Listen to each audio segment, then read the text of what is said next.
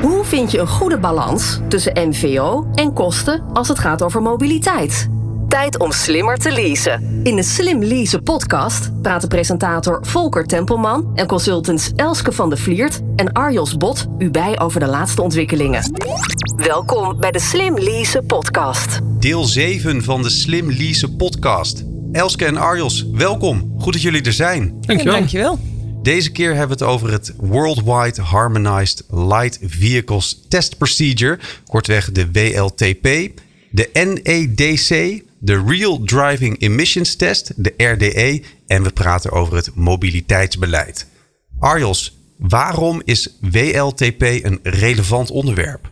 De WLTP is een heel interessant en actueel onderwerp. Omdat het de leaserijders uh, aangaat. En eigenlijk niet alleen de leaserijders, misschien moet ik het breder trekken. Het gaat alle nieuwe auto's in Nederland aan. Voorheen werden auto's getest en werd bepaald wat de uitstoot is van een auto. Dat gebeurde via de door jou net genoemde NEDC-test. Dat is een hele ouderwetse test. Um, gelukkig is er nu een nieuwere, betere, meer realistische test. De WLTP-test. En fabrikanten zijn heel druk geweest, of zelfs nog steeds, om auto's te testen conform die nieuwe testprocedure. En wat blijkt?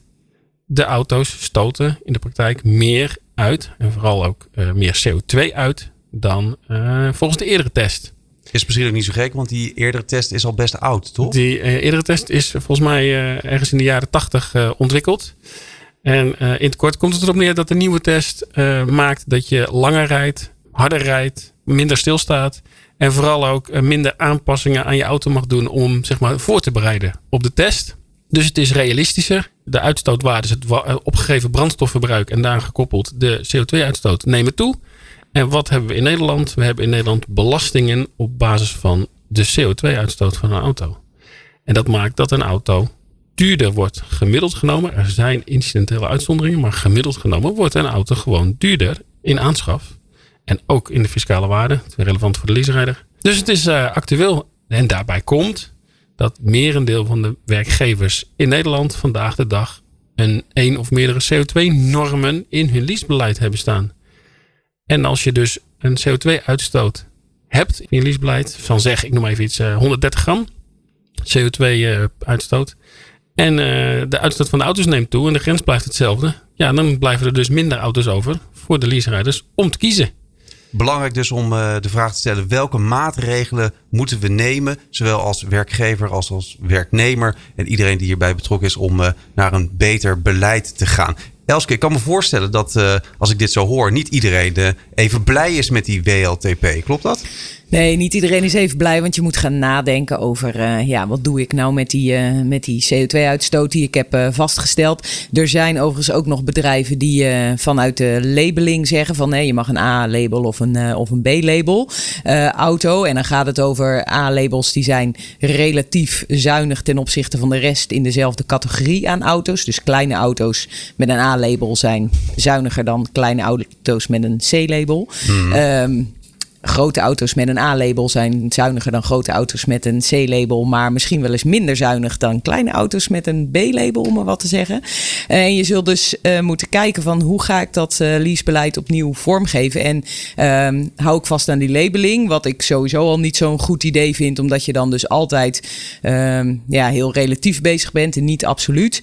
En inderdaad, als je nu ziet dat je 130 gram uh, CO2 per kilometer uh, als ijs hebt. En je ziet dat er een heleboel auto's wegvallen omdat ze op 135 uh, gram komen te zitten met, met de WLTP. Wat doe je dan? Hou je vast aan die 130 gram of zeg je van ik ga opschalen?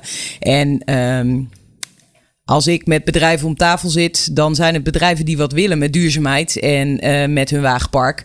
Dus ik zeg altijd, nou, dit is een uitgelezen kans om te zeggen: nee, we, gaan, uh, we houden die 130. Sterker nog, we gaan misschien wel naar 120. Ja, dat gaat ervoor zorgen dat we minder auto's kunnen kiezen. Maar nou zetten we tenminste echt stappen in onze daadwerkelijke CO2-reductie. En dat is wat we willen. Hoe wordt er vanuit Europa en de verschillende landen in Europa naar gekeken, Harjos? Wisselend, let wel. De hele test procedure is uh, Europees overeengekomen. Hè? Dus het, we zijn het met z'n allen eens, zeg maar. De hele implementatie en ook daaraan gerelateerd hoe per land uh, de belastingen eh, geregeld zijn. Dat is echt per land verschillend. Mhm. Het effect bijvoorbeeld in Duitsland is echt minimaal. Als ik me niet vergis, eh, betaal je daar voor een gram CO2 3 euro. Dus als je auto dan 10 gram meer gaat uitstoten, dan kost het je 30 euro. Ja, dat, dat is in Nederland compleet anders. Om even Eh, een, een beetje eh, beeld een te beeld schetsen. Ja, hoeveel Ja. is het dan hier? In Nederland hè, eh, heb je het effect wat we nu zien. ehm, waarbij je wel in, het in, in oogschouw moet nemen dat we. Je hebt NEDC, zoals ik al vertelde. Wel vertelde. Je hebt WLTP. Maar we rekenen nu nog terug. Want alle belastingen zijn nog op de oude, de NEDC-tabellen, zeg maar, eh, gebaseerd. Dus Ja, we, hebben, we rekenen. hebben een oude test en een nieuwe test. En we En we- gebruiken de nieuwe, maar we rekenen terug naar de oude. Dus Precies. we rekenen eigenlijk terug van de euro naar de gulden. Zo. Ja, dat is wel een leuke eh, vergelijking. Dus we gaan even, ja, we gaan terug.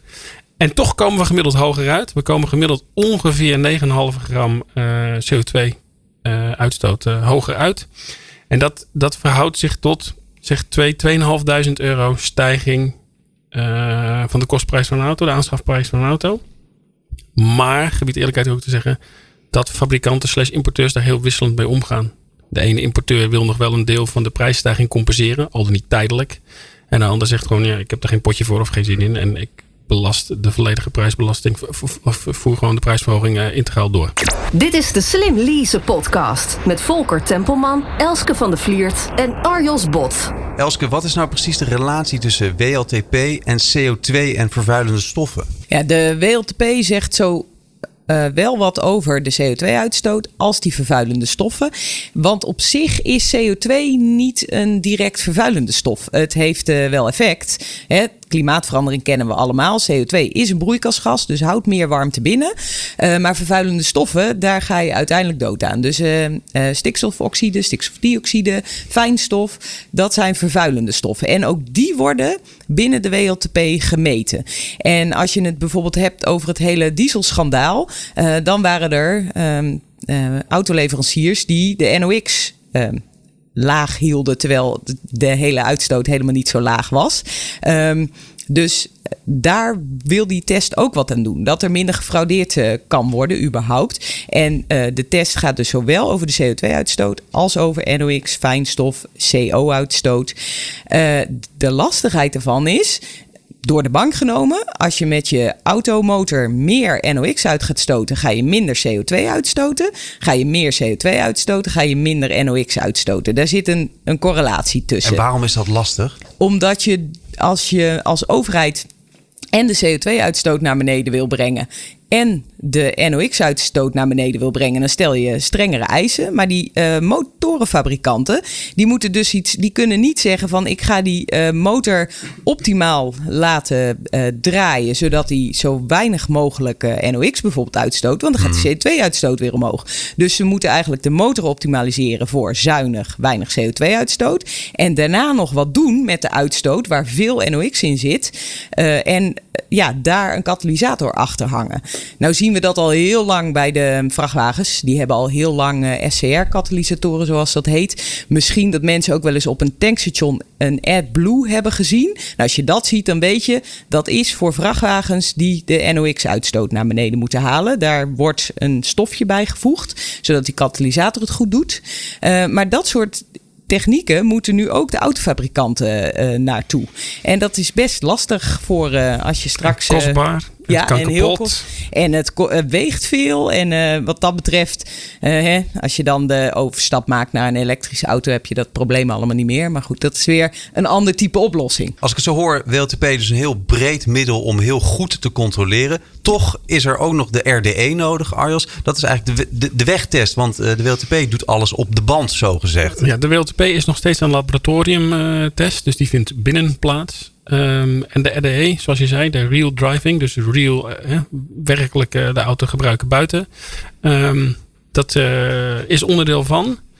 En ehm, dat is altijd heel erg discutabel geweest, omdat je eigenlijk dan nooit vergelijkbare, werkelijk vergelijkbare omstandigheden weet te creëren. Want hoe verschillen die resultaten Nou, normaal gesproken? Oh, nee, ik, ik bedoel eigenlijk te zeggen, dus, eh, het- is nooit exact dezelfde temperatuur, dezelfde wind buiten, eh, drukte op de weg, ik noem maar iets. Eh, Mhm. je kunt wel een afgesloten terrein natuurlijk nemen, maar je krijgt daar nooit exact dezelfde omstandigheden waaronder getest wordt.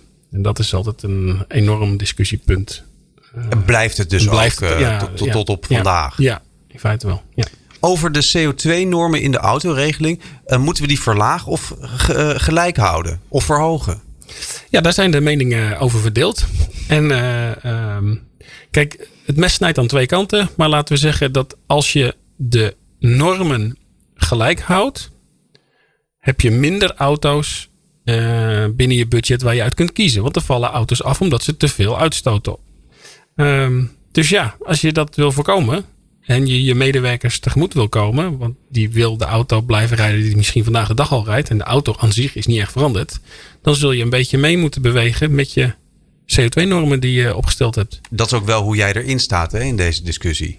Uh, vanuit een, uh, een, medewerkersperspectief is dit wel de wenselijke uh, richting, ja. Terwijl Elske, jij denkt daar weer anders over. Wat, wat zijn jouw gedachten? Ja, weet je, als je als bedrijf met duurzaamheid aan de gang wil... en je wil dus ook op lange termijn uh, relevant zijn voor je klanten, voor je medewerkers, voor iedereen om je heen, dan ga je uiteindelijk naar nul emissie toe in je wagenpark en je mobiliteit. Dus dit is uiteindelijk een non-discussie. We kunnen wel heel angstvallig vasthouden aan 130 gram CO2 per kilometer bijvoorbeeld. Maar 2030 komen er alleen maar elektrische auto's uit de fabriek gerold als alles gaat zoals we willen. Zo, dat is ook een feit. Maar dat en dit is zo'n tijdelijke discussie. We moeten überhaupt helemaal af van benzine en diesel. Dus we hebben straks die WLTP helemaal niet meer nodig. We moeten gewoon naar nul emissie toe. Nou, daar kun je nu al op voor sorteren. Hoef je ook niks aan je beleid aan te passen. Worden die auto's ook niet duurder.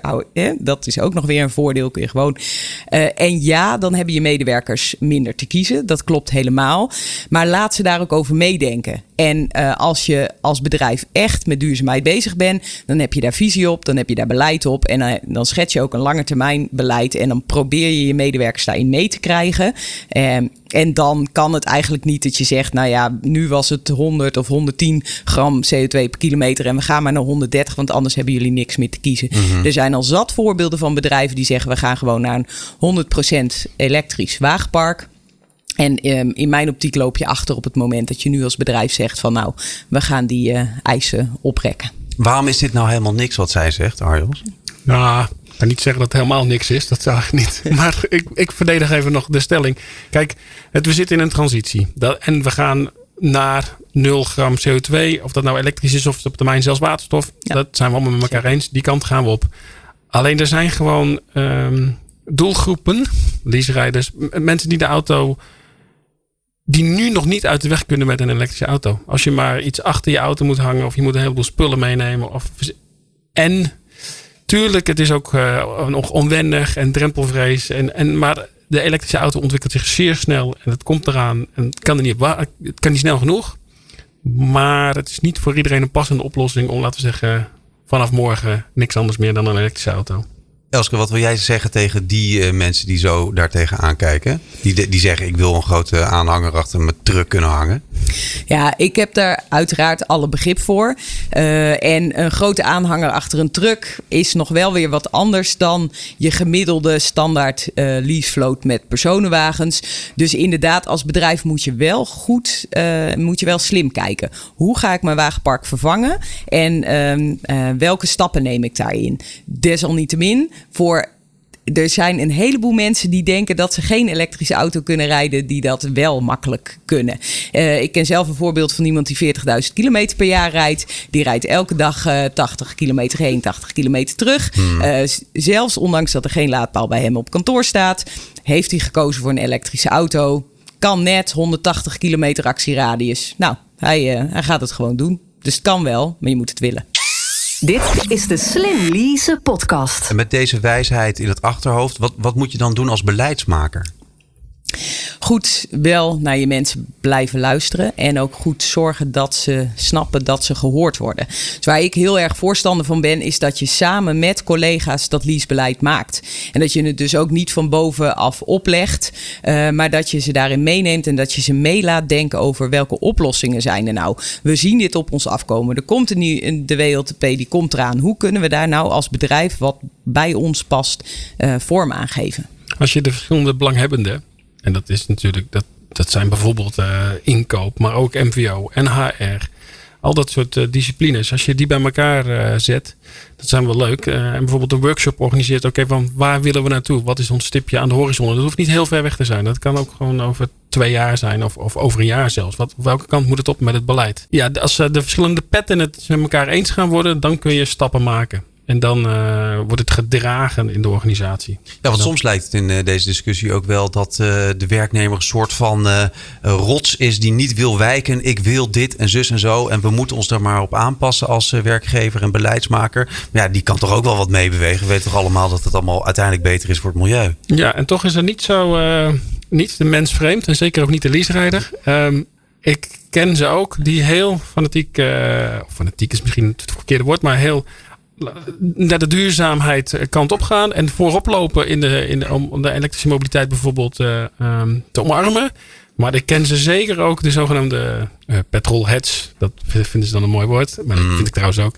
Maar die, die, ja, die denken, joho. Die willen gas geven, die willen ja, knetteren. Dat geluid, willen, dat moet blijven. En er gaat niks boven een zescilinder of een achtcilinder. En, uh, ja. en toch, jij, jij weet dit. En, maar toch zeg je, eh, als we die, die mensen bij elkaar zetten. En uh, de pet staan de goede kant op. Dan komen we er wel uit. Ja, maar als je de, maar als je de, de verschillende belanghebbenden binnen een organisatie niet allemaal hetzelfde uh, voor ogen hebben, dan heb, je kan, dan heb je wel een goede kans dat het ergens strandt.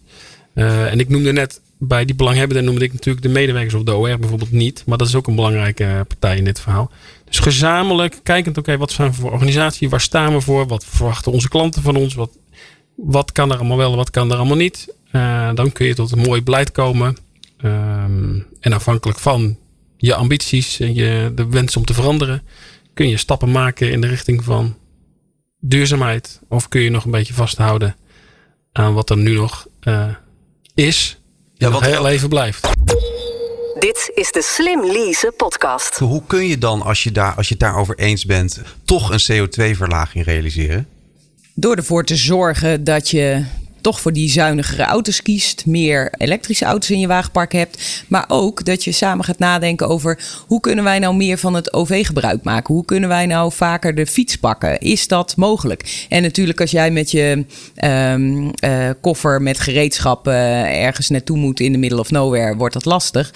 Maar je ziet ook steeds meer uh, initiatieven komen van mensen die uh, huizen onderhouden bijvoorbeeld, die gewoon met de bakfiets daar naartoe rijden. En zeker in Utrecht of Amsterdam veel makkelijker. Want dan kun je tenminste gewoon uh, je bakfiets neerzetten. Je, hoeft, je staat niet met die bestelbus constant in de weg. Uh, je kunt overal makkelijk tussendoor. Dus ook dat is iets waar je, waar je in dat CO2-beleid vorm aan kunt ja, geven. In de steden vooral. Hè? daar, daar is dat te ja. realiseren. Zeker, helemaal waar wat Elske zegt. Maar het gaat natuurlijk verder. Want je, je kunt ook denken aan delen, deelauto's deelauto-oplossingen. OV-stimuleren is al genoemd. Mm -hmm. Dat kan ook naast een leaseauto, kan ook zonder een leaseauto. Carpoolen bijvoorbeeld. Ook dat soort, ja, dat is, dat is misschien heel basic, maar, maar door dat al dan niet een beetje financieel te belonen, kan er een win-win situatie ontstaan. En uh, ben je ook als bedrijf bezig om minder vervoersbewegingen, minder CO2-uitstoot uh, te realiseren. Klassieke oplossingen eigenlijk. Ja. Je geeft het zelf ja. ook al aan inderdaad. De bakfiets en het carpoolen. Mooi dat dat dan toch uh, uiteindelijk het licht aan de horizon is. En misschien een elektrische fiets. Ja, en wat ik daarbij wel merk bij bedrijven, is dat ze dan haast een beetje teleurgesteld zijn. Van ja, maar dit is toch niet sexy. Dan moeten we gewoon maar op de fiets. En dan, ja, het, het is misschien allemaal niet zo sexy. maar het werkt wel en het is wel effectief. En je krijgt er wel CO2-reductie door door. En mensen die zien wel helemaal voor zich dat ze met VR-brillen en helemaal thuis aan het werk zijn. Nou, misschien gaan we ook wel die kant op. Maar voor nu is het gewoon nog hele duidelijke oplossingen die gewoon er echt voor zorgen dat die CO2-reductie en trouwens ook een kostenbesparing uh, teweeggebracht kan worden. WLTP uh, moet in september 2019 worden ingevoerd of een paar maanden later in januari 2020. zijn we er, er dan, Arjos? Ik denk het niet, want we zullen blijven doorgaan. Kijk, er zijn klimaatdoelstellingen ge geformuleerd. En als we niet een beetje versnellen in de transitie naar duurzame mobiliteit, dan gaan we die doelstellingen niet halen. Dus uh, de nieuwe testen zijn realistischer, geven een beter inzicht. Geven, en inzicht is wat je nodig hebt om de volgende stappen te kunnen zetten. Mee eens, Elske? Jazeker. En die testen hebben er altijd ook wel voor gezorgd dat die uh, autofabrikanten uh, echt wel uh, innovaties plegen. Want zonder, ook zonder de NEDC en, en alle euronormen was het überhaupt niet zo ver gekomen. Zaten we nog met veel vervuilendere en veel uh, meer benzineslurpende motoren. Maar uiteindelijk mag er ook wel gezegd worden van nou hoor eens, dit is allemaal leuk voor die paar diesels en benzines die er nog zijn. Maar dit is waar het naartoe gaat en uh, zo snel bouwen we die oude technologie af. En uh, we doen dat alleen nog maar voor uh, die uh, situaties waar het echt nodig is dat je nog een dieselmotor hebt. Want dat geloof ik ook wel weer. Vrachtwagens uh, die van uh, Amsterdam door naar Barcelona en dan de Sahara inrijden. Dat zal echt nog wel heel lang duren voordat die op waterstof rijden. Ik noem maar wat. Um, maar die stip aan de horizon moet je wel gaan schetsen als overheid. Dit was de Slim Lease podcast. Arjos, Elske, dankjewel. Graag gedaan. Elske, waar kan je de podcast terugluisteren? Slimleasepodcast.nl De volgende keer is directeur Chark de Vries van bouw- en spoorbedrijf Structon te gast. Tot dan. Tot zover deze aflevering van de Slim Lease podcast. Zorg dat je op de hoogte blijft van alle ontwikkelingen op het gebied van zakelijke mobiliteit. En luister ook naar de volgende aflevering.